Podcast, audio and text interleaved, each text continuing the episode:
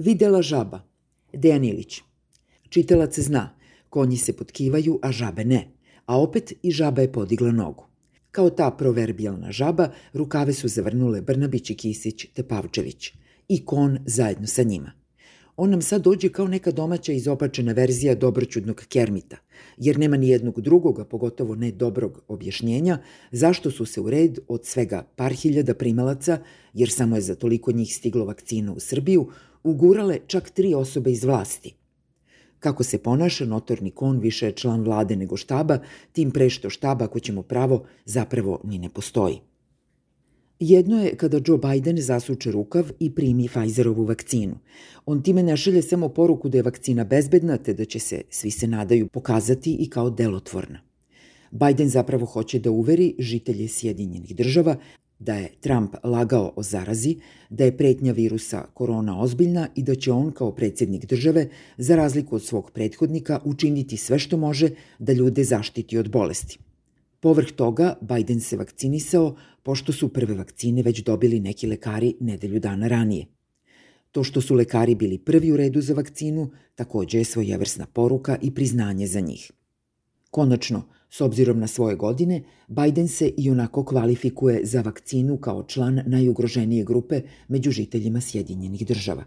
Par decenija mlađi, britanski premijer Boris Johnson, recimo, nije hteo da ide preko reda. On je rekao da će sačekati da vakcinu pre njega dobiju osobe iz prioritetnih grupa. To je takođe politički gest i poruka. Taj gest naravno može izgledati i kao prazna poza. Američki predsednik primio je Pfizerovu vakcinu Istu vakcinu odobrilo je već više država i to bi trebalo da bude dovoljno. Lični primeri političara postali su izlišni. Naravno, mi možemo sumnjati da Pfizerova vakcina za Srbiju nije isto što je ista ta vakcina u Sjedinjenim državama ili u Britaniji ili u Nemačkoj.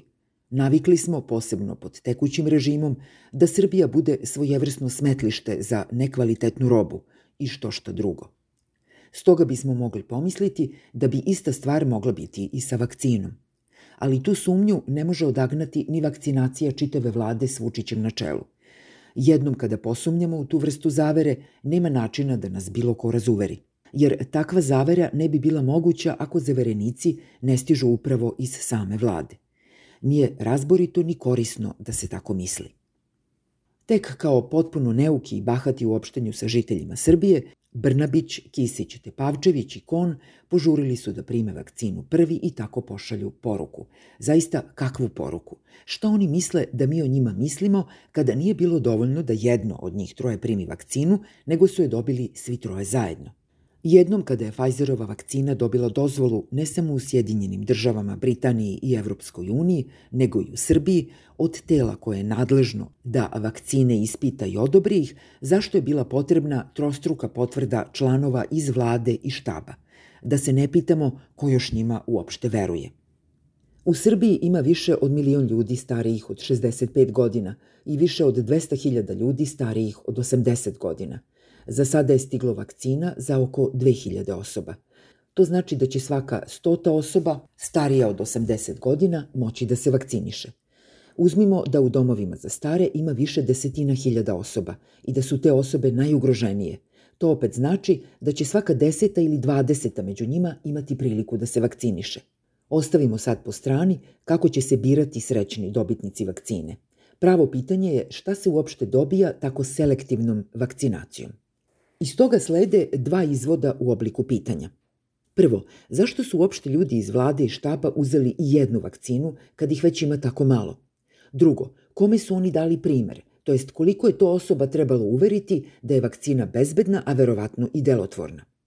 Za pretpostaviti je da bi barem svaka deseta osoba bez problema pristala da primi vakcinu i bez potvrde i ličnih primera iz redova tekuće vlasti. Istini za volju treba reći i ovo.